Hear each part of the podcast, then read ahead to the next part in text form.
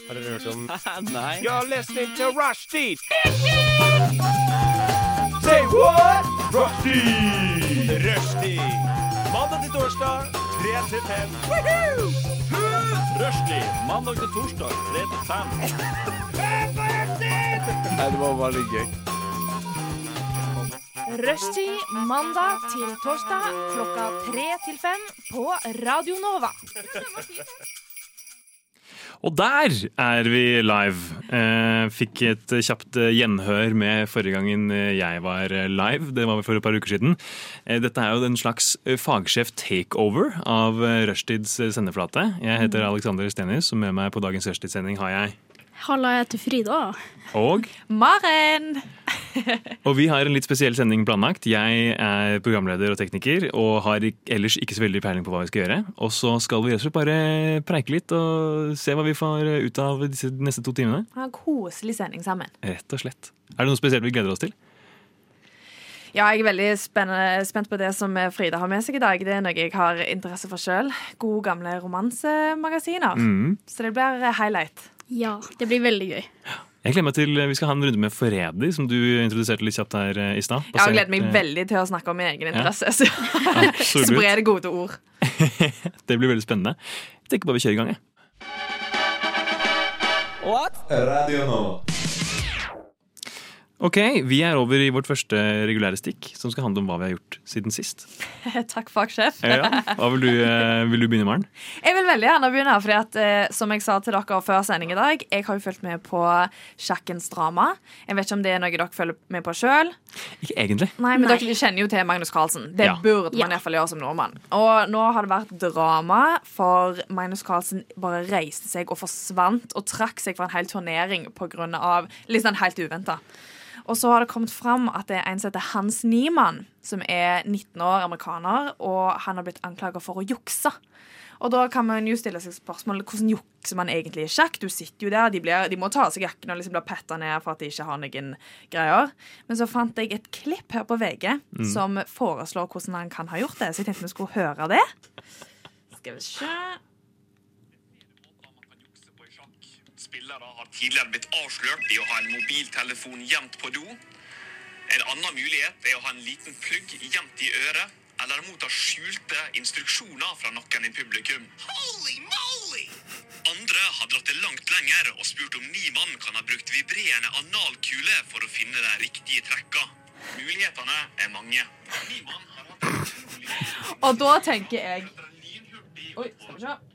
Hvis du, hvis du eh, satser så hardt på sjakk at du er villig til å bruke an vibrerende analkuler for å bruke morsekode for liksom mm, mm, mm, mm, mm, mm. Ja, OK, flytte dronning opp der. eh, Hvit løper til venstre her. Altså, da fortjener du å vinne. Hvis du er så dedikert. At den dedikasjonen der, det, det betyr bare da det er en seier verdig. Ja, 19 år gammel. Han har allerede innrømmet at han har juksa på chess.com Ja. Når han var 12 og 16 år, og nå får han nye liksom, allegations. Og nå vurderer de å stenge han ute fra verdenssjakken. Og det er sånn Jeg syns dette er det mest perfekte Altså, Du kunne ikke ha skrevet det sjøl. Vibrerende analkuler for å vinne sjakkmesterskap og sjakkturneringer mot en rasende Magnus, Magnus Carlsen. Det er utrolig dedikert. Ja. Ville, ville du gjort det selv? Nå vet jeg ikke helt hvor mye penger de spiller for. Nei. Um, men jeg tror det er snakk om noen fine hundre tusen. Jeg kan jo ikke sjakk engang, så jeg hadde ikke vunnet uansett. Um, og jeg tror at ingen hadde trodd på at jeg hadde vunnet. Men hvis jeg hadde bygd opp et rykte og sånn som det, og begynt å Det er jo som å dope seg i, i hvilken som helst idrett. Så jeg tenker at hvis jeg plutselig kommer ut av nowhere og spiller like bra som en datamaskin, så tror jeg fort hadde blitt tatt. Ja. Men mer på liksom familiære situasjoner. Hvis du sitter og spiller Monopol med familien, ville du da vurdert ja, For å vinne, liksom? Er det, er det Um, det må være noe i seierspotten. Ja. Hvis det bare er heder og ære, så føler jeg at jeg hadde ikke følt på den hederen og æren med mindre jeg faktisk vant. Mm. Men når det er snakk om penger, og det er mye penger, Mm. da flytter grensa seg. det er sant. Kanskje vil du bli millionær, da? Sitte der i the hot seat med en vibrerende analkull oppi rumpa. smart. og- For da trenger jeg ikke noen fagkunnskap. Jeg Nei, trenger ikke noen rykter. Jeg kan bare liksom zzz, zzz, zzz. Ja, jeg velger det. Men kan du morsekoder? Det blir jo Det bare spørsmål om å lære seg. Ja, man må jo lære seg det før du plutselig kan stå, liksom stappe vibrerende analkunder oppi der. Så må du først lære deg morsekoder for å kunne forstå hva de betyr. Ja. Ja, han er jo faktisk ganske smart, da. Altså, nå kjenner ikke jeg så veldig mye til reglene, men de sier nå at han velger sjakktrekk så fort at det kun er en datamaskin som kunne gjort det. Altså, det er ingen mennesker som har liksom, hva skal jeg si, hjerneteknologien til å gjøre det. Hot take, han er probably en robot.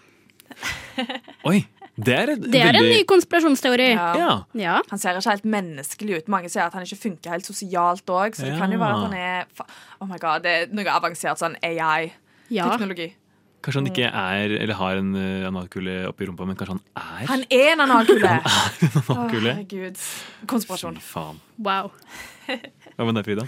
Um, det som har skjedd med meg for, Forrige gang jeg pratet her, så husker kanskje du som hører på, at jeg pratet om at jeg ikke hadde dørhåndtak på døra mi hjemme. Ah, Update! Jeg har nå fått dørhåndtak. Det er det som har skjedd meg i det siste, så jeg er veldig, veldig fornøyd med det. så bra. Er det, hvor lenge måtte du leve uten dørhåndtak? Um, jeg flyttet uh, hjem igjen i sånn april, så jeg har ikke hatt dørhåndtak siden april.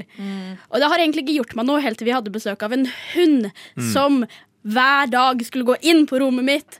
Og det var ikke noe gøy når jeg våknet av at en megasvær husky sto og satte seg i trynet mitt.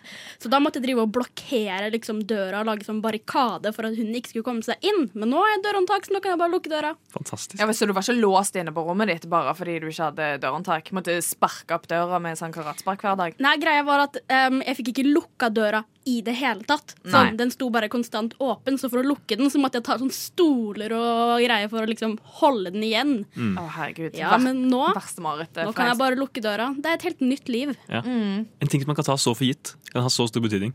Et dørhåndtak. Nei, Jeg husker bare når jeg var tenåring. Det var helt grusomt når mamma ikke lukka døra. Da tenkte jeg, vet du hva Dette, Nå må jeg flytte ut hvis jeg ikke klarer å lukke døra. Da er jo de som ikke har dør, heller. Mm. De, foreldrene tar det vekk istedenfor husarrest, liksom. Det, det er helt sinnssykt. Det har jeg aldri hørt om. Det, har du eh, faktisk opplevd det? Kjenner du noen Nei, som har opplevd det? Nei, aldri. meg sjøl? Nei, da hadde jeg bare Da ville jeg heller bodd på gata. Ja. Men altså, folk, eh, foreldre som er sånn Nei, du har skjult ting på mobilen din, vi tar vekk døra så du ikke skal ha privatliv og skjule noe. Det er helt sinnssykt. Ja, du. Eh, smells like abuse. Uh. Ja, jeg tror uh, før vi skal høre mer om hva fagsjefen har gjort siden sist, så skal vi høre en liten låt, Veps med Mooney Tunes. Rushtid. Du tok med ølen, du, ja. Ja, ja. Jeg vet ikke, jeg har drukket øl før, jeg. Oi. Herregud. Jeg tror du hører på rushtid. Sa du rushpick? Nei, rushtid. Rushpick. Rushtid, sa du? På Radio Nova, sa du? Det stemmer, det. Rushpick. Rushpeak! Uh, yes, det er altså en fagskift takeover edition, dette her. Uh, nå har vi satt av et helt stikk bare til å prate om hva jeg har gjort siden sist. Som en fagsjef gjør. absolutt. absolutt. Uh, nei, men sist, eh, hvis vi skal tenke siden sist, altså siden sist jeg var på rushtid, eh, så har jeg jo hatt besøk av min danske venn. Oppdatering for de som eh, hørte på den, eller en kjapp oppsummering kommer her også. Eh, Jeg har en dansk venn som var på besøk i Oslo eh, her eh, for eh, en uke siden. Eh, Jeg pratet om det sist gang jeg var her, eh, i den anledning at jeg hadde noen problemstillinger jeg måtte ta tak i med han. Eh, Da spesifikt at han er veldig glad i å snakke norsk, men ikke er veldig flink til det, og det irriterer meg. Og at han skal lage pizzarestaurant, eller han skal starte opp pizzarestaurant i Oslo, og jeg har ikke noe tro på det. Han har en gründersjel og norsk Eller ønske om å være norsk. Ja, han har det. Eh, og jeg ble faktisk veldig positivt overrasket da han kom, eh, over eh, hvor lite han snakket norsk. Det var faktisk Altså, påfallende. Han, eh, var, jeg, jeg skulle nesten trodd han hadde hørt episoden, men Ja. jeg tror ikke han gjorde det. Men det, var, det skjedde bare ved et par et håndfull anledninger, og da klarte jeg å beholde sindigheten og Ja. ikke klikke i vinkel. Du manifesterte at han skulle holde seg dansk. Ja, vet du hva? Det er kanskje akkurat det jeg gjorde. Spoken Det- into the universe. Ja, ja, ja. Det er, sånn, det er litt magisk å være i rushtid. Man får liksom det man ønsker seg hvis man bare tenker hardt nok. Eller kanskje han satt og hørte på det og tenkte og, at det sår han dypt, og nå har han innsett Ja, at det det der funker ikke. Det hadde vært veldig dumt hvis han hadde gjort det. I så fall, Molde, hvis du hører på dette her, beklager. Men du er en veldig fin fyr, da. Eh, og når det kommer til det andre punktet, eh, pizzarestauranten hans, eh, så har jeg faktisk endret litt mening siden sist. Oi. Ja, eh, For han var her, og vi var jo da på liksom masse forskjellige pizzarestauranter i Oslo for å eh, gjøre litt research. Jeg var på Pizza Pancetta og Jungelpizza og eh, Lofthus. Ja. Eh, Godt, godt utvalg. Ja, Mm. ja. Som jeg på en måte tenkte i forkant at var liksom hans store konkurrenter. Eh, og han gikk rett i eh, Michelin-modus, nærmest. Og liksom skulle sitte der og liksom skulle løfte pizzaen opp og se under. og var sånn, Snakket om leopard spotting. Som Ja. tydeligvis er en greie i pizzaverden hvor du ser liksom sånne mørke flekker på deigen. Sånne små, mørke prikker. Du vil man ha mange av de, og de skal ikke være for store, tydeligvis. Nå, jeg vet jo egentlig ingenting om dette her. Jeg bare prøver å fortelle ting han har fortalt meg. Ja. Eh, men nei, jeg ble litt overbevist om at han, eh, han kanskje er inne på noe. Og så var han jo på Oslo Innovation Week, som var denne konferansen som var i Oslo i forrige uke. Eh, og det var helt sinnssykt å høre på. Eh, for der fortalte han at liksom, åpningsseremonien var i Oslo rådhus, og der var kronprinsen og eh, No less. Ja, ja, ja. Og de måtte reise seg opp når han kom inn, og reise seg opp når han gikk ut igjen. Eh, og så ble han da etter hvert forbanna lei av tech bros, som han kalte dem. Ja, å herregud, det kan jeg all sign off on that. Det er jeg òg. Ja, Ja. same. Mm, folk som elsker Elon Musk og syns kryptovaluta og NFT-er er Riktig. det feteste. De tenker, sånn som jeg nevnte sist gang du var her, Mm. at uh, alle har en slags gründersjel og liksom skal starte et eller annet revolusjonerende, et eller annet, men så har de ikke helt kreativiteten og det nyskapenheten og innovasjonen til å skille seg ut. Mm. Så det blir jo bare å lage kryptoråd, eh, podcaster og og legge ut liksom kurs om how to be a billionaire, Ja. og så tjener de kanskje 500 000 i året sjøl. Ja. Så det, jeg skjønner godt at han blir lei av tech bros. Som sagt, jeg jobber jo med de sjøl. De er veldig Ja. hyggelige, men det går veldig mye i de samme baner sjøl. Så at han endelig fikk nok, det respekterer jeg. Ja, det er veldig mye selvposisjonering, liksom. Ja, bli Networking. Sånn, ja, networking. Og liksom, ja, snakke om de riktige tingene og i det hele tatt. Han fortalte da spesielt om én liksom, presentasjon han hadde vært på, hvor det da var noen tech bros som begynte liksom, presentasjonen med å snakke om at vi kan løse klimakrisen, vi har det i oss, vi trenger bare noen millioner kroner fra dere, og så kan vi klare det. Og så var produktet de skulle liksom lansere, var en søppelbøtte. Hvor man da skulle eh, først skanne en QR-kode på søppelbøtten, eh, skrive inn navn og telefonnummer, et eller annet, og så får man en ny QR-kode på telefonen som man skal skanne på søppelbøtten, og så kan man levere inn søppel. Og så skulle den tydeligvis kunne skanne og se forskjell på forskjellige typer plast og sånn. Så resirkulering. Resirkulering. Ja. Avansert. AI-resirkulering. AI-resirkulering. Og det er der, det er der man skiller Clinton fra hveten, hvis man bare sier AI. Oh, Ja. Du har de der oh, keywordsene som de blir jævlig kåte på. Mm. AI, tech, eh, Ja. avansert. Alle disse nyskapende innovasjonsordene som egentlig Ja. bare Nei, du kan jo bare separere de for hånd. Ja. Trenger ikke en avansert Avansert igjen hører jeg rett på. QR-kode. Ja. Eh, og denne maskinen som de da viste fram på slutten av presentasjonen, virket jo ikke engang. Så da ble det jo det veldig lite tro på deres løsning på klimakrisen, da. Ja. Vi får se. Kanskje tar vi feil. Kanskje når de får eh, to millioner fra Forskningsrådet eller et eller annet, at de lager nye, nye revolusjonerende søppelbøtte.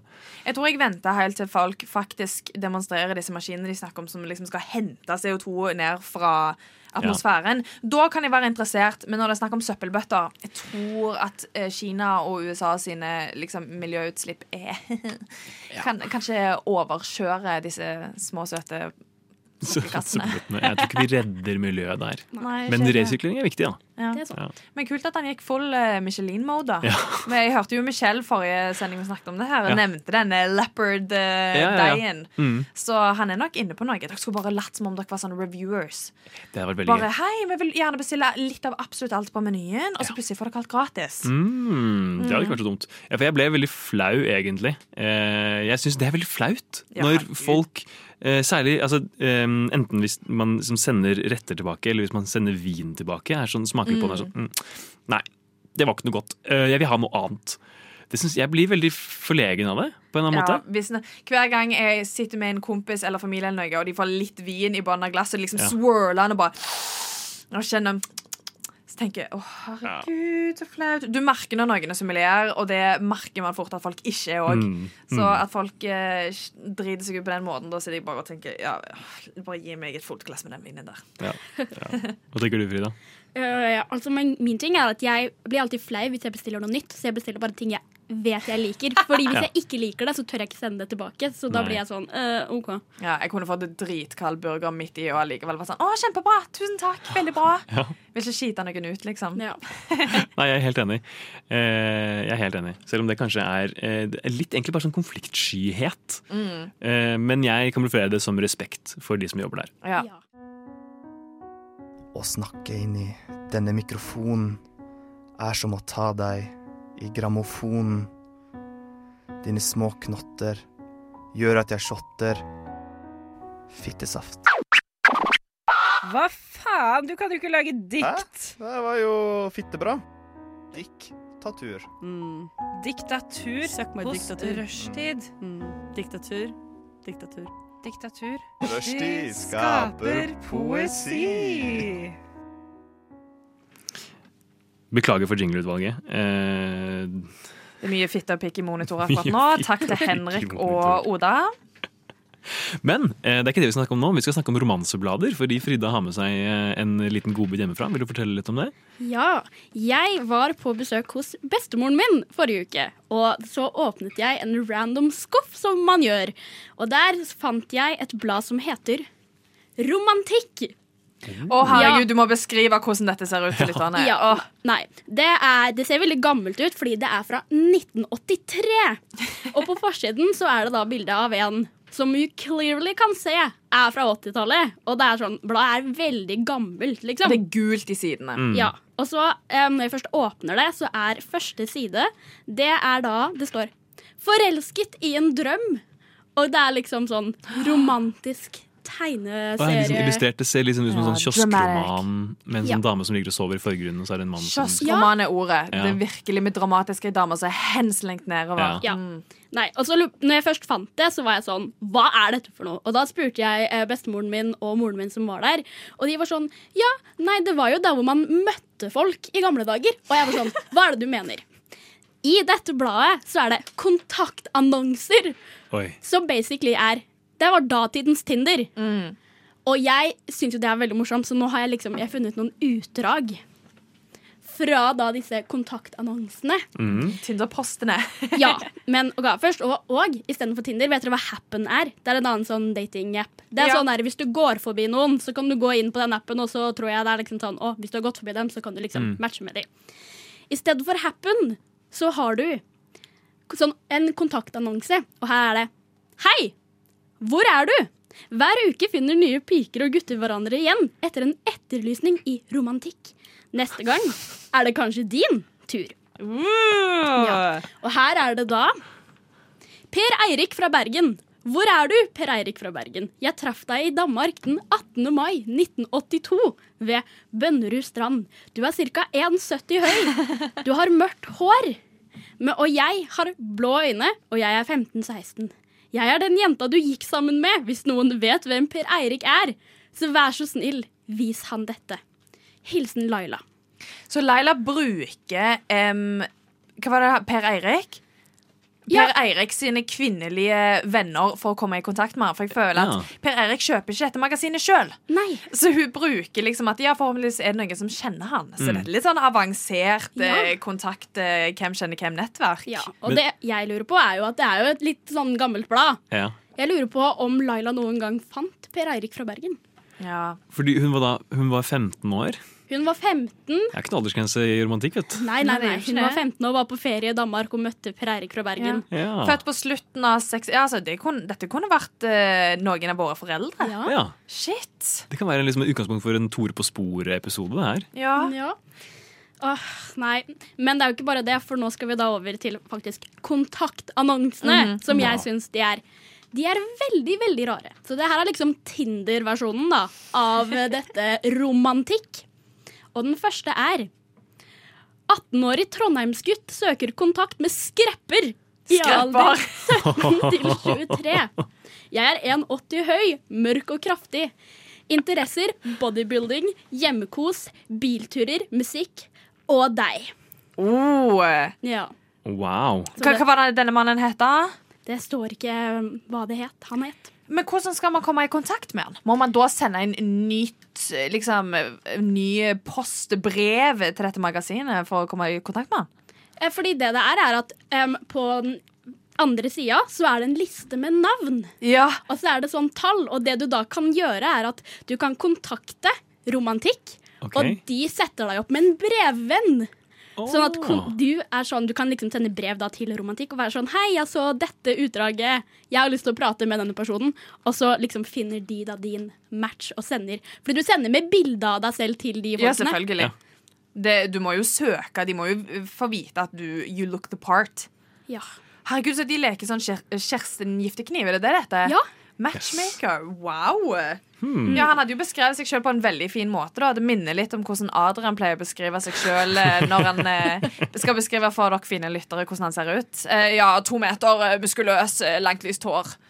Så han kan jo altså, Men det er jo ikke bilde av denne gutten, er det det? Nei, det er bare en tekst, og hvis du syns liksom den teksten var interessant, så får du Mm. bare kontakte Romantikk da, og håpe at dette er eh, din match for life. Veldig, uh, veldig spesifikk personlighetsutredning. Ja, like hva han sa, bilturer, romantikk og hjemmekos. Ja. Og bodybuilding, da. Ja. Og bodybuilding. ikke, Ja. ikke minst. Mm, som en Mm. indikator på at eh, I look good. Ja, og så ler jeg av liksom det neste. Fordi nå var det jo da en 18-årig trondheimsgutt, men det neste er Mann på 51 ønsker å brevveksle med dame på 50. Har hus. Det er Ja. det som står. That's it. That's it. Men Betyr det at han har hus, eller at han, han vil at eh, kvinnen han skal brevveksle med, skal ha hus? Who knows? Jeg vet ikke. Jeg tror kanskje det betyr at han har hus, Ja. og han Ja. vil bare ha en dame som skal komme på besøk til han. Så vi snakker om the bare minimum her. Ja. Altså, han, eh, han tenker det er den eneste relevante informasjonen. Jeg har hus, derfor burde du velge meg. Tror du han vil ta seg til takke med en dame på 52? Eller er han, nok- er han streng på 50? Hm, det spørs jo. Jeg, kanskje han hadde gått opp i 52, men det var veldig veldig strengt på at her skal det være dame som er 50. Ja. Det er ikke noe 49 eller Iallfall ikke noe 60. Ja, altså, Jeg, òg blir jo litt sjokkert de gangene jeg har gått gjennom Tinder og sett at folk har ett bilde av seg sjøl, ingenting i bioen. Det er kun ett bilde der de holder en fisk. Og så tenker jeg, hvordan tenker du at jeg nå tenker wow, denne gutten må jeg bare swipe på? Ikke sant? Hvis du ikke har noen informasjon om deg sjøl, ingenting som indikerer hvem du er. Nei, men Hvis denne mannen med hus hadde vært på Tinder, og hvis jeg sier dere hadde da vært en 50 år gammel dame som bare er ensom og leter etter noen som har et hus, Mm. hadde dere sveipa da? Jeg håper jeg aldri blir så ensom når jeg er 50 at jeg tenker han har hus, good to go. Nei, true. Ja, nei, Det håper jeg også. Nei, det er, jo, det er jo mye mer annet rart her òg. Sånn som den neste. Den får meg veldig veldig til å le. Og det er Fordi mange bruker jo også da Tinder til å si one night stands. Her er det da en kontaktannonse. Her er vi, gutter. To jenter søker tøffe typer for eventuelle nattlige besøk. Minstekravet er at du må være over 1,73. Vi har selv em, lange, sexy rypeben. Det Ja. Jeg er solgt. Hadde Lange, nå Jeg hadde matcha med en gang. Fordi jeg tenker umiddelbart altså, faktisk på rypeben, og de er sånn tynne og Ja, Jeg sa for meg faktiske rypeben. Ja, ja. Eh, Ja. Det er ikke særlig sexy. Ja, skreppe og rype. Altså, de var jo eh, Dette er jo fra 83, sant? Ja. Altså, De hadde jo en litt annen lingo enn det vi har akkurat nå. Hvis Ja. jeg hører noen si at jeg har rypeben, da tenker jeg jo dette er jo to gamle menn som har skrevet sjøl. Og som vil ha Ja. en, fange en eller annen slags stakkarslig fyr til kidnapperen eller et eller annet. Dette føles som, som eh, sånn catfishing, faktisk. Ja. Å, herregud, catfishing er så gammelt. Ja, selvfølgelig. Men det, se for deg hvor mye rart som faktisk skjedde i, Mm. med romantikk. Fordi det er, følelsen all, alle disse kontaktannonsene er over syv sider. Det er over syv sider, og det går liksom fra alder tolv til sånn Nå skal jeg lese det neste. Dere kommer til å bli litt sjokkert av alderen, for det var jeg. Enkemann, 75, søker kontakt med snill og ærlig dame som er flyttbar. Har eget hus, røker litt, tar en drink i godt lag. Interesser, turer i skog og mark. Ja. Det høres ut som en uh, omgjengelig fyr, det her. En enkel, Ja. fin En enkel og fin mann. Som leser Romantikk, som var et blad for 14 år gamle jenter. Jeg sier bare at det er noe rart her. Men et bredt nedslagsfelt, da, hvis det både treffer 14-åringer og 70-åringer. Det må man jo si. Det har en bred Målgruppen til de som eh, Eller romantikk sin målgruppe er ganske bred, eller bare litt for fjern. ja. Ja. Kjærligheten ser ikke på alder, eller? Det gjør den ikke. Nei. Jeg tror kanskje vi skal høre en liten låt, for vi skal ha, ha litt mer romanseblad. Vi skal ha Simen Steinklev med 'Hilsen vi som skulle bli noe'. Radio Nova.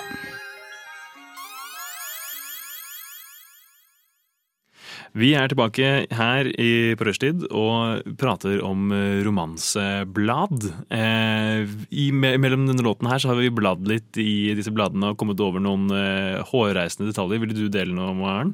hårreisende?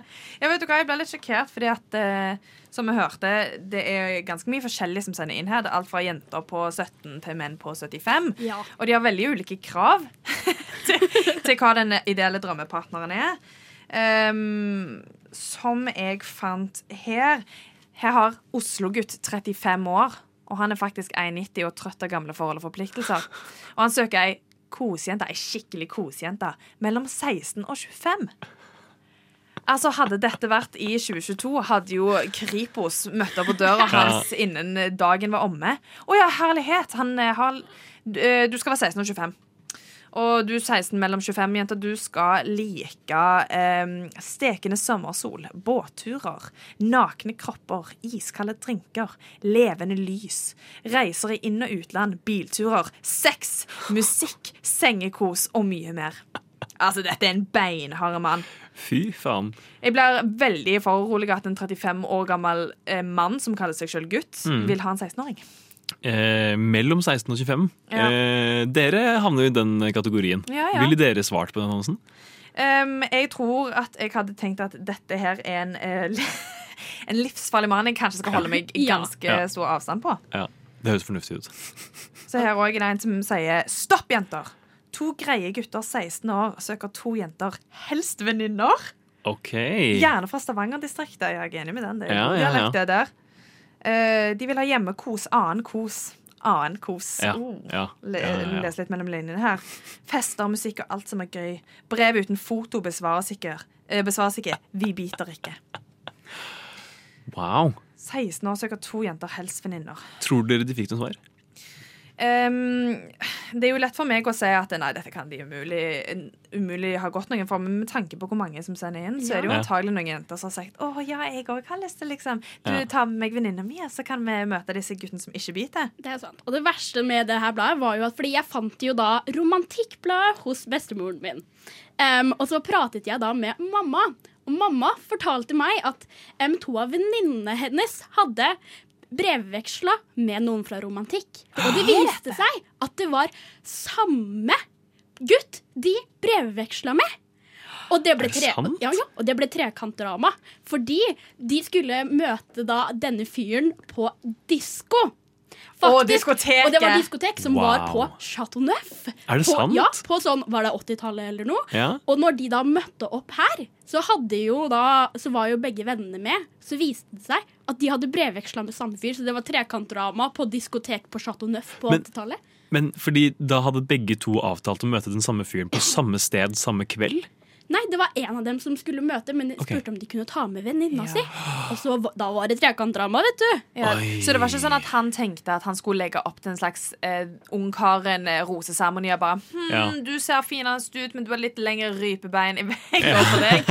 Han, han hadde rett og slett playa de. Fuckboy. Ja, I know. Fuckboy på 80-tallet. Men det, altså, herregud, det må være lov å ha flere Tinder-samtaler gående samtidig. Og flere ja, brevvekslinger. Men jeg, helt ærlig, jeg føler brevet er mer uh, intimt. Det er mer Ja. personlig. Det krever mer innsats enn å bare liksom, sende en Tinder-melding. Men, Men det- møte Men det er jo fordi vi nå har alternativer. ja. Ja, Før så hadde de jo ikke alternativer. Da var det sånn Du kunne sikkert sende åtte brev samtidig. Og bare håpe at noen av de drev og svarte deg. Vet Du hva, det er faktisk godt Du må håpe at folk svarer. Når Ja. det er på Tinder, så er det så lav terskel for å svare. Men når du sender brev, så er det sånn at det kan faktisk være at folk ikke gidder. Så du må jo ha flere alternativer. Ja, ja. Vet du hva, Jeg er helt enig, Alexander. Ja. Godt poeng. Så han er, han er rett og slett bare praktisk. En lille fyr som var litt ensom. På jakt etter kjærligheten. Ja, det, eh, ja. det er mange her inne i dette magasinet som kaller seg ensomme, så du har 100% rett i det. Ja, ja, ja. Legger ikke alle eggene i én basket, som det jo ikke heter på norsk, men eh, på engelsk. I en basket. En basket. ja, ja, ja, ja. Jeg skal nok holde meg fra å snakke mer engelsk med denne sendingen her. Vi holder oss til norsk. Eh, apropos norsk, løpesang, kom her. All right, Vi er ferdig med romansebladet for denne gangen. Fikk eh, mye ut av det, syns jeg. Eh, Nå skal vi over til noe litt annet. Vil du introdusere denne statistikken her, Maren? Ja, over fra romantikk til svikeri. Det stikk motsatte. Ja. Um, vi har jo snakket om, eh, snakket om dette litt før sending, men nå er det jo et program på TV2 som heter Forræder. Og du hadde heller ikke sett det, Frida? Nei. Ikke du, Alexander? Mm. Jeg kan oppsummere det sånn superkort, fordi det er et ganske enkelt konsept. Jeg tror veldig mange i Norge har spilt um, kortspillet Mafia, for eksempel, eller Secret Hitler. Så det handler om at det er tre forrædere i gruppe, mye større gruppe som skal sammen utgi seg for å være lojale i den større lojale gruppa. Målet er at de lojale skal finne ut hvem disse tre er, um, og dermed stemme de ut i et råd. Da, men du vet jo at hvem som helst kan være forræder, så du kan ikke stole på noen. Eh, hver natt skal òg forræderne eliminere én lojal, så de blir stadig færre og færre. Så det er to til dagen som ryker ut. Spillet avsluttes eh, når spillerne er kun tre personer igjen. Står det én eller flere forrædere igjen, så har forræderen vunnet. Og så er det noe greier om de Det er liksom oppgaver, oppgaver underveis, og det er litt sabotering, plot twist, men de skal vinne sølv. Så det er sølv. Og nå er det jo i Norge, og det er kjendiser som er med. Um, og det er en ganske diverse cast. Det er litt sånn eh, gamle forfattere, det er idrettsutøvere, til og med noen influensere. Og jeg er jo obsessed. Jeg har sagt dette før på uh, rushtid. Jeg elsker alt som har med kjendiser å gjøre. Veldig overfladisk. Om det er 71 grader nord, om det er Skal vi danse, om det er Farmen kjendis, jeg er nødt til å se det. Så dette er liksom mitt nye yndlingsprogram. Og det jeg lurer på med dere, er at nummer én, hvis dere skulle vært med på et sånt program, ville dere vært forræder eller lojal? Eh, forræder. Ja. Du ville vært forræder, du òg? Ja, jeg òg. Ja. Ja, hvorfor det? I don't know, jeg føler at Fordi jeg elsker drama, og hvis jeg kan være med å skape det, Mm. så føler jeg at da blir det automatisk mer gøy. Du har veldig mye press på deg sjøl og må liksom alltid passe på hvordan du ser ut, hvem du snakker med, hvordan du framtoner for at ingen skal mistenke deg. Alt du sier. Og jeg vet med meg sjøl en av grunnene til at jeg tror jeg hadde hatt vanskelig med å være forræder, er at hvis jeg blir veldig gira, blir jeg veldig rød i fjeset, svetter, Mm. jeg liksom snakker veldig fort. Så hvis jeg hadde blitt valgt, jeg hadde jo tatt helt av. Folk hadde sett det med en gang. Hvis noen hadde pekt meg og bare 'Du er forræder', jeg hadde jo bare vom, knallrød bare mm. Nei, det er ikke meg! Jeg tenker, altså, det er for det første mye morsommere å være forræder. Ja. For da kan du på en måte leke deg litt mer. Du skal slippe å være på vakt hele tiden. Liksom, og passe på, «Hva, men hva, er det, hva han sa nå, hva betyr det? Liksom. Mer bare liksom, fokusere på å prøve å lure folk. Uh, og det kan jo være veldig gøy, det. Mm. Ja, jeg merker også at de som er med i denne TV-serien, som er lojale, de klarer ikke å sove. For de sitter og vurderer alle de andre. De er redd for at de skal bli eliminert om natta. Mm. Eh, De sitter og lager sånne intrikate nettverk i hodet sitt der de liksom tenker ja, han, sånn, han gjorde sånn, bla, bla, bla, bla, bla. Så jeg tror at det er veldig stressende å være lojal, men å Mm. være et ondt menneske som skal forræde de andre, det er ganske, det er ganske chill. Ja. Ja. Kunne du funket på radio? Ehm, ja, kanskje. Det, det er et konsept vi får utvikle. Alexander. Ja. Kanskje det blir eh, Ja. eh, da- rushtidssending? Ja, Vi må involvere alle i redaksjonen og finne ut hvem det er som vi kan stole på og ikke. Ja. Et Godt forslag. um, jeg lurte på, hva, Hvis dere var forrædere, hva hadde vært taktikken for å ikke bli oppdaga? Um, skape mest mulig forvirring og speed. Mm. Ja, rett og slett. Sette Eh, folk opp mot hverandre? Ja. Eh, jeg har spilt Secret Hitler en del med min familie. eh, og også sånn Varulv og mafia på folkehøyskole. Mm, på folkehøyskole. Eh, klassisk ting å gjøre på folkehøyskole. Eh, og jeg faktisk, om jeg tør si det selv, er ganske god til å være forræder. Mm. Er du god å lyge? Ja, ja, faktisk. Mm. jeg klarte å lure min onkel trill rundt da vi spilte Mafia på hytta for eh, noen år siden. Det føltes veldig bra, og også ikke så bra, på en måte. Det, den uærligheten er liksom sånn Det er jo bare et spill, men han følte seg på ekte bedratt. Mm. Manipuleringsevnen bare vokser, og du kjenner Ja. wow, dette kan de bruke til andre ting. Ja, ja, ja. ja. Hva med deg, Frida? Jeg føler at jeg hadde probably bare latt som jeg var megaredd, og så hadde jeg alliert meg med de som var mest redd, og så hadde vi lagd Mm. sånn konspirasjonsteorier, Mm. og så hadde jeg bare tatt alle ut sånn én etter én og vært litt sånn ha-ha-ha. Ja, for det er nettopp det som skjer i denne serien, er at de har valgt tre veldig godt valgte forrædere. En som er liksom utspekulert og smart, en som er litt sånn dum og fjollete, og en som liksom forsvinner i mengden. Mm. Fordi det er de som snakker høyest og peker. Det er du som er forræder! Og det er du. De blir jo bare tatt ut. Eller folk begynner å stemme de ut. Men hvis du liksom ikke sier så mye og er litt sånn hm, ja, nei, jeg vet ikke, um, da ser folk at OK, de legger ikke merke til deg, de mistenker deg ikke. Mm. Så Ja. hun ene som uh, liksom er litt rolig, hun er ikke den største kjendisen, har ikke den største personligheten, hun er det ingen som mistenker. Nei. Men de mistenker veldig sterkt de som liksom er veldig synlige. Ja. Og siden du sa at du lagde, likte å skape sånn forvirring, Mm. de stemte med en gang ut han Christer Falk. Hvis dere husker hvem det er. Han som var programleder for Robinson osv. Ja. For han liker bare drama. Han Mm. sa jo høyt 'Jeg er lojal, men jeg liker at det er litt drama her inne'. Og da var de sånn 'Snakkes! Ja, Vi må finne ut hvem det er, og du Ja. kan ikke forvirre oss mer'. Så det gjelder å forsvinne litt i mengden. Ja. Var han forræder, da? Christer Falk? Nei, han var lojal. Han var lojal, ja. For det hadde vært litt for seg en- Ja, det hadde vært litt for enkelt å ta han Ja. som forræder, for at han er bare forrædertypen. Ikke sant. Mm. Ja. Så lurer jeg også, Hvilken kjendis ville dere gjerne sett i et sånt program? Hvem tror dere hadde vært en dyktig forræder? Lille Bendris. Åh, jeg vet det! Ja. er! Lilly Bendriss! Lilly Bendriss er my absolute fave. Jeg vil se hun overalt. Og spesielt, Hun hadde jo bare vært sånn mm, dzz, Følger det på meg? Ja, det er han. Ja. Det er hun. Ja, Begrenser vi oss til i Norge eller ja, dette er jo norsk, Norge, så ja, ja. Men altså, for all del, sjøløs med Kongen ville jeg sett på forræder. Å, herregud, ja. Og jeg ville gjerne at han skulle være forræder også. For hvem tør å anklage kongen for å være forræder? Kan- Å, herregud, du er så taktisk. Forrædere typ kongefamilien edition. Bare alle i kongefamilien. Hvem av dere? Sjaman Mm. Durek er den eneste som er lojal. Resten er forrædere. Ja, for det har jo jeg også tenkt på Hvem er det du liksom ikke har noen tillit til? Ja. Og, og det er jo de som er de, liksom, de stakkars lojale. For Ja. de klarer ikke å bevise at liksom, du kan stole på meg. Men hvem faen tør å anklage kongen at jeg ser at du Ja. sviker Ja, ja, ja. oss og kaster oss ut? Du, kongen den var jævlig òg, ass. Mm. Mhm. Lilly Bendriss, kongen. En, Kommer med en siste forræder. En siste forræder. Eh... Oi, har du noe der, Frida? Hmm. Altså, jeg tenker bare automatisk sånn type Jan Thomas eller noe. Ja. Jeg Ja. bare føler at Det hadde vært litt morsomt. Men folk hadde sikkert visst at han hadde vært forræder med en gang. Han er ikke noe god å lyve. Jeg òg liker veldig sterke personligheter. Så jeg tenker jo sånn Funkygine, Ja. Erik Follestad. Men, Men kanskje, sånn kanskje bare en som er utrolig sympatisk? Ja, Ja, Kanskje sånn Petter Skjerven eller et eller annet? godt poeng. Jeg tenker også, Du må jo ha noen som er intelligente. Så Typ sånn Erna Solberg. Ja, ja. Eller Andreas Wahl. Ja, ja ikke sant? Ja. Men åh, han er såpass intelligent at du vet at han bare kan stabbe deg i ryggen. ja, det er det. det, er det. Jeg tror han har vært en veldig god forelder.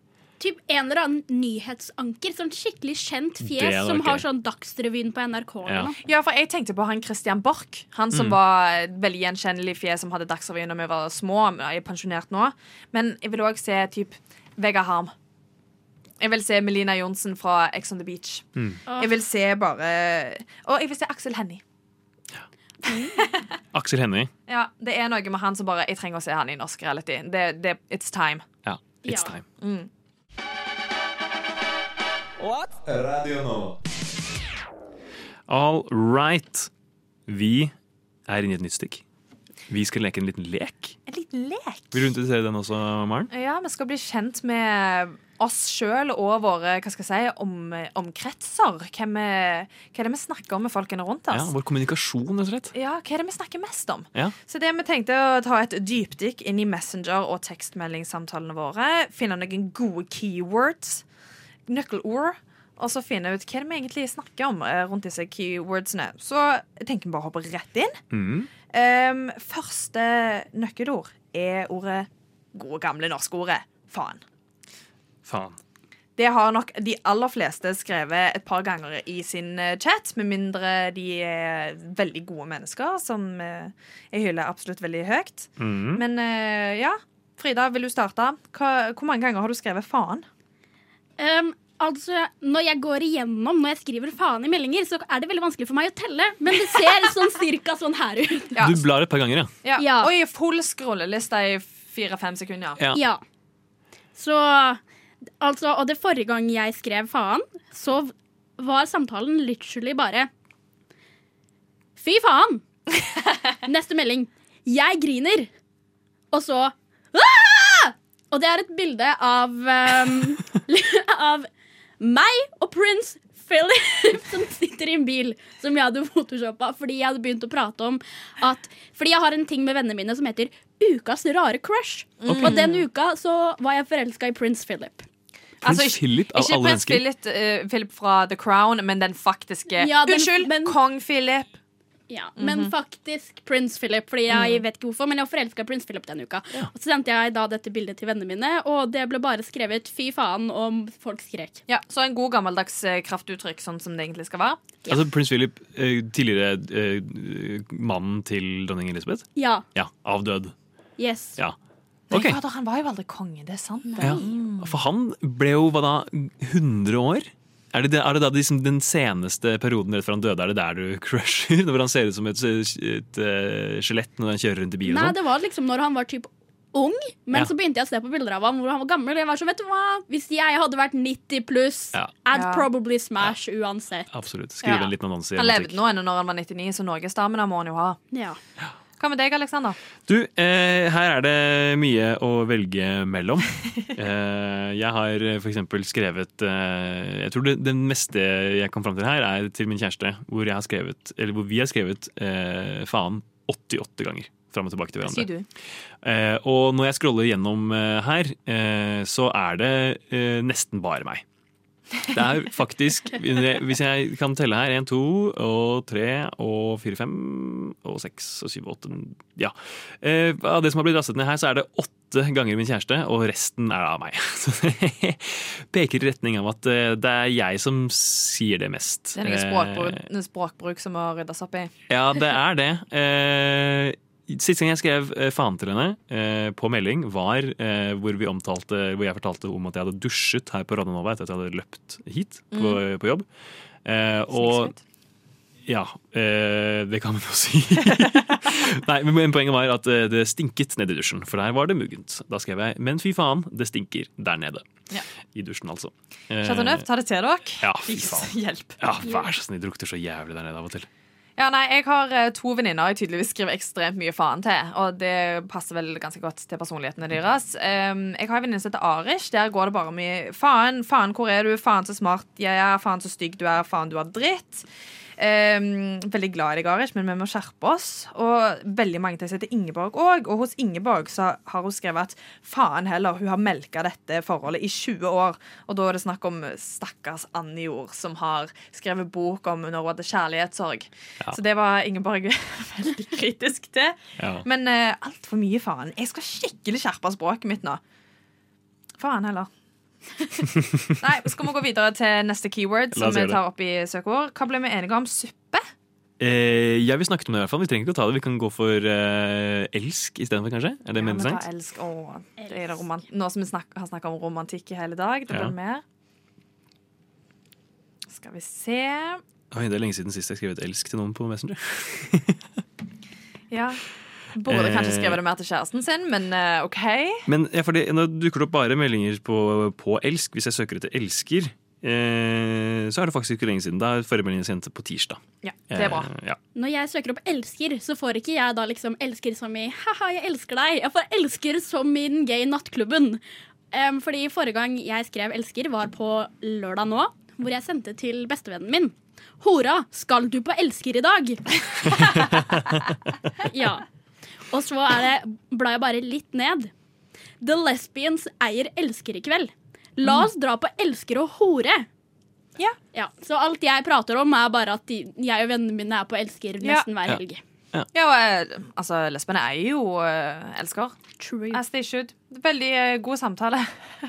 Ja. Alexander, finner du noe? Du, jeg har uh, litt forskjellig eh, her. Jeg har gått av for elsker, jeg også. Jeg har, den forrige meldingen jeg skrev, var at jeg elsker eh, Flåklypa.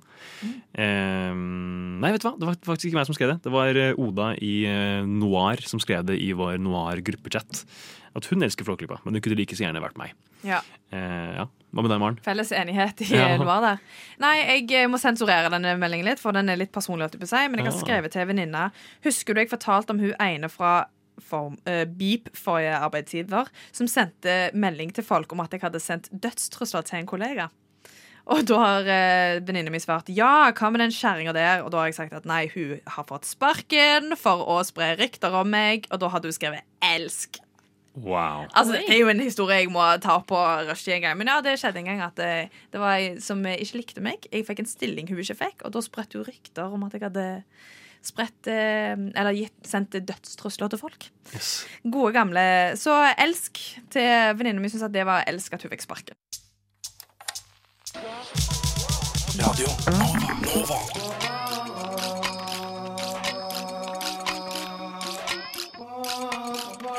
Siden 1982 har Radio Nova gitt deg favorittmusikken din før du visste at du likte den. Vi fortsetter der hvor vi slapp. Vi skal ha flere runder med søkeord på våre Messenger-chatter. Eh, Hva var ordet nå, Maren? Nå skal vi gå gjennom ordene hat og romantikk. To gode kontrastord. Så jeg tenker vi begynner med hat. Mm. Um, som jeg sa, um, det jeg må endre til hat-det. Jeg skriver ofte på dialekt med min familie, så vi går over til hat-det. Fordi at hat det blir bare feilskreven har. Så vi kjører på med hate eller uh, hater. Og da burde det komme noen gode meldinger. Mhm. Skal jeg begynne? Alexander. Eh, her er det litt uh, forskjellige ting. Det er mye hater når det skjer. Den, eh, det er en gjenganger. Den er det mye av. Eh, og så er det også eh, forskjellige ting her. Jeg har, jeg har 19 meldinger med min venn Alexandra. Hva er det det er? Eh, hater det. Eh, hater breakout-funksjonen, Mm. har Alexandra skrevet. I, i Zoom, altså. Ja. Breakout rooms. Det er ikke noe jeg savner her, eksempel. Ja, Korona-utdanning-vibes. Ja. Gruppediskusjoner i breakout rooms. Åh, det er det verste. Jeg støtter at han hater det. Herregud. Absolutt. Frida, finner du noe? Det jeg finner, er egentlig bare meg som ofte skriver at jeg hater menn, og vennene mine som også svarer hater menn. Og så blir det bare sånn derre hater livet, hater Harry, hater alle. Vi bare er aggressive og bare Ja. hater på absolutt alt og alle som det går an. Dette er akkurat det samme jeg får opp. For jeg får veldig mange som er skrevet til min søster. Og der mellom 2016 og 2022 så er det mye det går i med at jeg hater menn. Herregud, jeg hater menn. Jeg blir svimmel av hvor mye menn hater kvinner. Jeg river meg håret av hvor mye jeg hater menn. Her er det mye misandrini Så bare uff. Jeg hadde tenkt at det kom til å være litt mer tid, litt mer drama om å, jeg hater hun, jeg hater når de gjør sånn, hater, hater, hater. Det er bare at jeg hater menn. Sånn er det. Ja, jeg, jeg har ingenting å forsvare meg med heller. Det er bare, altså jeg sa jo virkelig at Disse samtalene handler om mye forskjellig. Men det er eh, alt fra dumme kjendiser til menn vi kjenner rundt oss, til familiemedlemmer. Mm. Det er mye at vi hater menn. Shit. Ja. Wow. Skal vi gå videre til neste ord? Det var da romantikk. Ja. Eh, dette er jeg litt nysgjerrig på. Her jeg har jeg fått veldig lite selv, men kanskje du vil begynne, Maren? Ja, vet du hva? Jeg eh, ser at eh, Det har jeg skrevet veldig lite, og Ja. mottatt veldig lite. Men det er to forskjellige personer som har sendt meg samme melding. Og da har de skrevet at vår gamle lærer um, på Nei, videregående. Han hadde skrevet ja, diskotek er jo plassen for romantikk. Personer av begge kjønn møtes der. Og etterpå får det naturlige følger. Utenfor diskoteket, som vi ikke tar opp nå. Mm, det, har han sagt i en time. Det høres ut som noe som kunne ha stått i Romantikkbladet. det. Det var det jeg tenkte! Faen. Jeg tenkte Han her har jo skrevet innlegg inn her sjøl og bare Ja, ja, ja. søker ung kvinne 14 år til Ja. noe koselig romantikk. Både på og uh, vekk fra diskoteket. Ja. Med naturlige følger. Med naturlige følger som vi ikke diskuterer her. Altså, jeg har ikke skrevet romantikk i det hele tatt. På, sånn, på både Messenger eller vanlige meldinger. Søker det opp, og så får jeg ingenting. Ingenting med Ingen, romantikk. Ingen, ikke en Hva med eneste romanse, da? Ingenting. Ikke romantisk? Nei. Ja, hmm. det er ikke så rart hvis du hater menn så mye. Det er Det- ingenting romantikk. er. Men det er sånn, jeg kan sjekke veldig fort hva jeg har skrevet på Twitter hvis jeg søker på ordet Mm. romance. Ja, romance. Fordi jeg føler alltid på Twitter, der finner jeg alltid mye mer rart. Ja.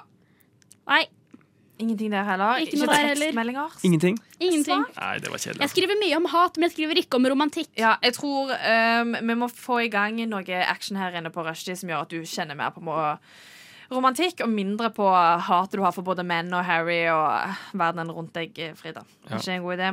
Det høres ut som en god idé. Ja, nei, Det er lite romantikk eh, her i meldingsinnboksen også. Det er faktisk eh, Jeg har vel ikke skrevet en eneste gang, jeg har bare mottatt det. Eh, og jo da, nei. Det var en melding her fra 2013. eh, hvor eh, en venn fra videregående spør hvilket kapittel vi skal lese i en eller annen bok. Og da er svaret kapittelet heter 'Romantikk på en rar måte'. Så det eh, Ja. Ikke så mye romantikk eh, i våre meldingsinnbokser, men desto mer i vårt liv, eh, kanskje. Men eh, ja, ja. Vi kan reflektere litt over det mens vi hører Laura av med Over City.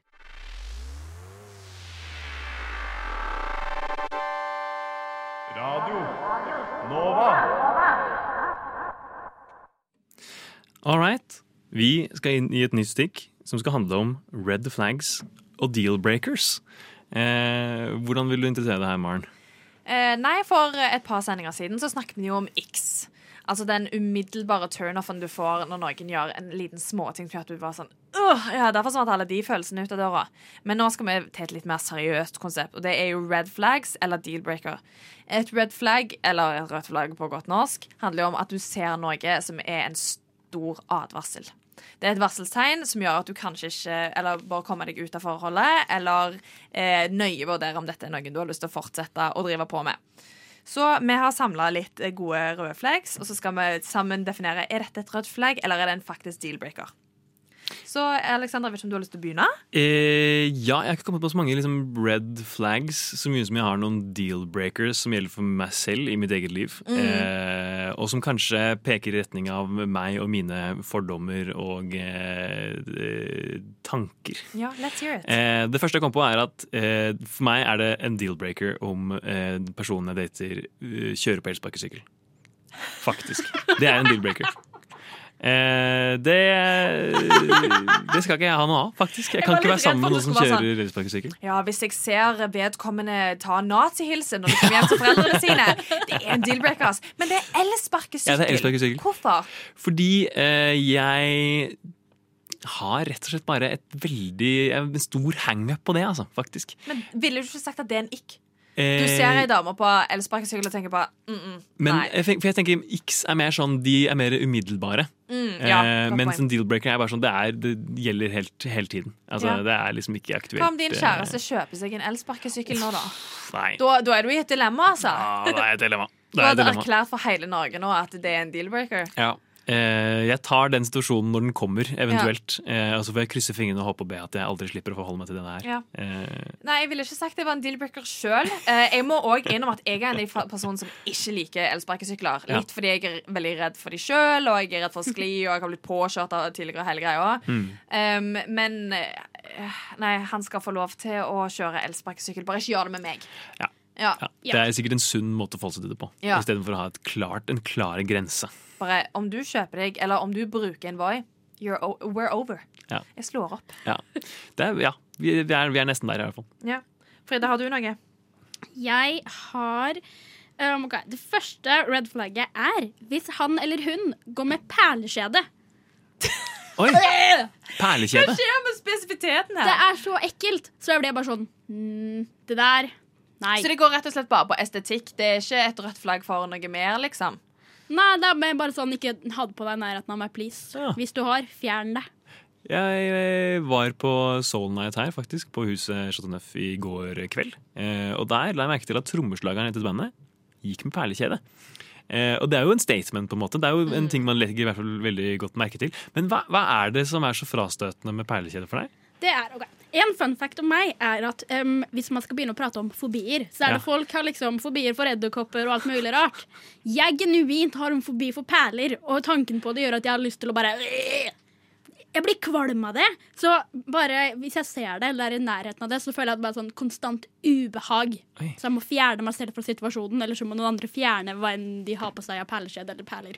Altså, Jeg kjenner at nå er vi nødt til å ringe til TLC og bare melde deg Ja. rett på det der My Weird Phobia. Eller hva det heter. For hvis du er redd og har fobi for perler, er de så ekle, syns du? Hva er, det med, hva er det med perler som er ekkelt? Jeg vet egentlig ikke. Jeg syns bare at de er ekle, og sånn formen på de, og bare måten det bare er en perle, liksom, gjør at jeg blir helt sånn «Æ!» Gjelder det både jenter og gutter? Ja, ja, ja. ja, ja. Det er bare Uansett generelle hva. perlene. Øredobber også er no go.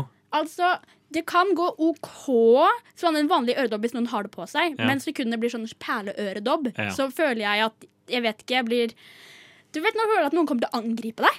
Jeg føler at det blir sånn konstant fight. At jeg Mm. vet aldri når den perla plutselig kommer til å hoppe på meg og angripe meg. liksom Ja, du hadde vært livredd for uh, queen Elizabeth, altså. Ja. Ja. Ja. Godt du er i jorda. Men er det, er det en eller annen hendelse i livet ditt som du kan spore det her til? For ofte med sånne fobier så er det jo liksom fordi man har en eller annen opplevelse Mm. med det.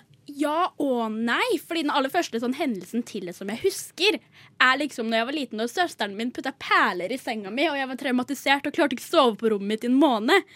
Men Ah. jeg var redd perler før det. Men etter det så har det bare vært enda verre. Ja, det er naturlig frykt. Ja.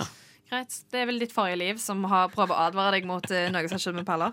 Nei, jeg har gått litt mer spesifikt til verst. Jeg uh, tenker at dette er en person som eh, Uansett situasjon, kontekst, omgivelser, hvem du er med, så vil hen kun kalle deg klumpegutten eller klumpejenta. Fy faen. Om det er foran uh, svigers, Ja. om det er Altså, dette er en perfekt person på alle Ja. måter, men han kaller deg kun klumpegutten eller klumpejenta. Er, liksom, Er det en han- Han er en tier, men Ja, han kaller deg klumpejenta. exactly. Han er en tier, men han vil kun kalle deg klumpegutten-jenta. Jeg syns det er litt morsomt. Men jeg syns ordet klump er litt gøy. Ja, det er litt gøy. men- Klumpen, liksom. Ja, jeg får litt sånn onkel- og tantevibber. Det er litt Ja. sånn, ja. Men altså, det, for én ting liksom om du bare henger sammen. Klumpen, klumpegutten, klumpejenta. Men altså, han gjør det overalt. ja. Du er liksom, du står på flyplassen og skal sjekke inn. Ja, klumpegutten, kom nå! Du skal møte svigers for første gang. Ja, klumpejenta, eh, dette er mamma. Kun klumpegutten og klumpejenta. Hadde, Ja. hadde det vært en deal-breaker? Ja, jeg tror det. Jeg tror ikke det. Jeg tror jeg hadde syntes det vært litt gøy, faktisk. Leve sammen med noen i 70 år, og det er bare, ja, det er bare Det er klumpen. og meg, liksom. Ja. Ja, det står det på postkassa. Det er Men det er så koselig. Se for deg å være sånn 70 år, og så er det sånn Klumpen og Ja, for en Ja. venninne av mamma Hun heter vel egentlig Ingrid Johanne, men hun har alltid blitt kalt Trulte. Så Ja. nå har jeg tror hun endra sitt offisielle navn til Trulte. ja. Så det For er litt sånn klumpen. ja, Min farmor også blir kalt Lilletull. Hun Ja, heter sant. Anna Katrine. Kalles av Lilletull av alle. dama, eller nei, kanskje dattera eller annen til Munch, hun, ble heter, eh, hun heter Tulla. Ja. Selv om hun egentlig heter noe sånn Camilla eller noe. Ja. Så ja, greit nok. Vi går for at eh, vi blir i dette forholdet. Ja, ja jeg Vi, tror det, eh, altså. Det går klumpegutt og klumpejente. Ja. Ja, vi skal ta en runde til med dette her, men eh, før det skal vi høre en uh, liten uh, låt. Radio Nova er best. Alle andre er tapere. Radio Nova. Dere hørte det der. Alle andre er tapere. Eh, tilbake på lufta her på Radio Nova skal, skal vi snakke litt mer om disse, dette romansebladet, Romantikk, som vi tok opp tidligere i sendingen. For Frida har funnet noen flere gullkorn som vi tenkte vi skulle dele med dere, dere lyttere, så jeg sender bare ballen videre til deg, Frida. Ja, og jeg, jeg vet i hvert fall ikke, men eh, husker dere det magasinet Topp? Eller Top Girl, som oh, ja. bare var for sånn, er det nå, et par-ti år siden ish? Ja. Ja, det var et veldig bra magasin. Det. For der var det ofte en spalte som het var det, det var sånn Tine og Thomas, som var sånn du kunne stille spørsmål, og så skulle de liksom svare på disse spørsmålene. Mm, før det så heter det Mona og Mikkel òg. Ja. Men eh, Ja. du er yngre generasjon, så da var det Tine og Thomas. Ja. De tok over. Men det, de hadde jo selvfølgelig en sånn spalte i romantikk også. Selvfølgelig. Som var Det var Sandra da som skulle svare på disse spørsmålene. Og det tenker jeg at jeg kan lese opp eh, dette spørsmålet, så kan dere to på en måte svare på det. Så kan jeg fortelle hva da romantikk har svart. Ok, Og spørsmålet det er Er han tabu? Kjære Sandra, jeg er en jente på 14 som er forelsket i en gutt på 15. Han er Jehovas vitne. Problemet er at så mange sier at han ikke kan være sammen med noen. Kan han det? Det betyr mye for meg å vite det. Hilsen må ha svar. Hilsen må ha svar. Men jeg føler jeg krever en kunnskap om Jehovas vitner. Eh, en kunnskap som jeg ikke i det hele tatt sitter inne med. Nei, jeg er vokst opp med Jehovas vitner, og eh, fordi jeg er det sjøl. Um, og de har Det varierer litt, men de er jo ofte ganske strenge på hvem Du skal jo holde ting innad i, i klanen, kulten, hal, Mm. halvveis. Um, så det er nok sånn at du kan ikke gifte deg med en person som ikke er Jehovas vitne. Fordi at Med mindre den personen selvfølgelig konverterer. Så kommer liksom an litt på hvor eh, hvor strenge hans foreldre er, da. Um, men hvis du er 14-15, så tror jeg nok at foreldrene hans kanskje ikke vil at han skal ha kjæreste, for da er du kjønnsmoden, og plutselig skjer noen ulovlige ting Ja. som er naturlige følger etter diskotek, for Ja, ja, ja. eksempel. Annen kos, som Ja. en annen eh, som beskrev det. Mm, annen sengekos. Mm. Så um, veldig lurer på hva Sandra fra Romantikk har svart. Hun har nok sagt det at eh, Hun har sikkert vist veldig forståelsesfullhet om at ja, nei, kristne og Jehovas vitner de er jo som alle oss andre. Men um, om vi er enige med Sandra, det vet jeg ikke. Nei, Vil du lese det høyt, Frida? Ja, altså her så skriver Sandra. Kjære må ha svar. Dette var en ny variasjon over tema fordommer, og et godt eksempel på at uvitenhet er den viktigste årsaken til fordommer. Oi. Roast! Det høres ut som hun har eh, litt aksjer i Jehovas vitner. Det er sant. Og så um, kommer det neste, da, er et eksempel på fordommer. Er myten om at homofile menn er vesener som tilbringer all sin fritid på offentlige urinaler, mens kristne er noen prippende hengehuer. ja, det var en sammenligning! Og så Måtte bare slenge den Ja. homokommentaren. Ja, ja! Absolutt. Ja, og så kommer Svaret på spørsmålet ditt må bli Selvfølgelig kan han være sammen med noen. For eksempel deg, selv om han er. Jehovas vitne. Herregud, Sandra, ro deg rett ned! du er rett Ti ned! hakk! Altså, dette er fordommer. Altså, jeg vil helt personlig si at den der om at å, kristne kan være litt prepne, ikke helt er like skadelig som Nei. fordommen mot at alle homofile henger på urinaler. Hele tiden. Ja, det er fordi det er to på en måte fordommer som ligger litt forskjellig i sånn litt, alvorlighetsgrad. Litt forskjell på hvilken gruppe som er undertrykka. Ja Um, men uh, Sandra, you're a big fat liar. Fordi jo, det er jo mange som ikke gifter seg med folk utenfor sin egen religion. Så ikke svar for Hva var det denne gutten het? må ha svar. Må ha svar. Ja. Ja, men å, ja, han hadde ikke um, Jehovas vitne-gutten hadde ikke jeg hadde ikke et navn? Nei, da ble jeg bare Jehovas vitne, da. Ja. Nei, vet du hva? Jeg, eh, Sandra, neste gang så roer du deg ned, og så skriver du ikke i blankt sinne eller eh, ruspåvirka, for det der var litt ja, overkill. Ruspåvirka tilstand. Fy faen. Herregud. Har vi mer? Ja, nei.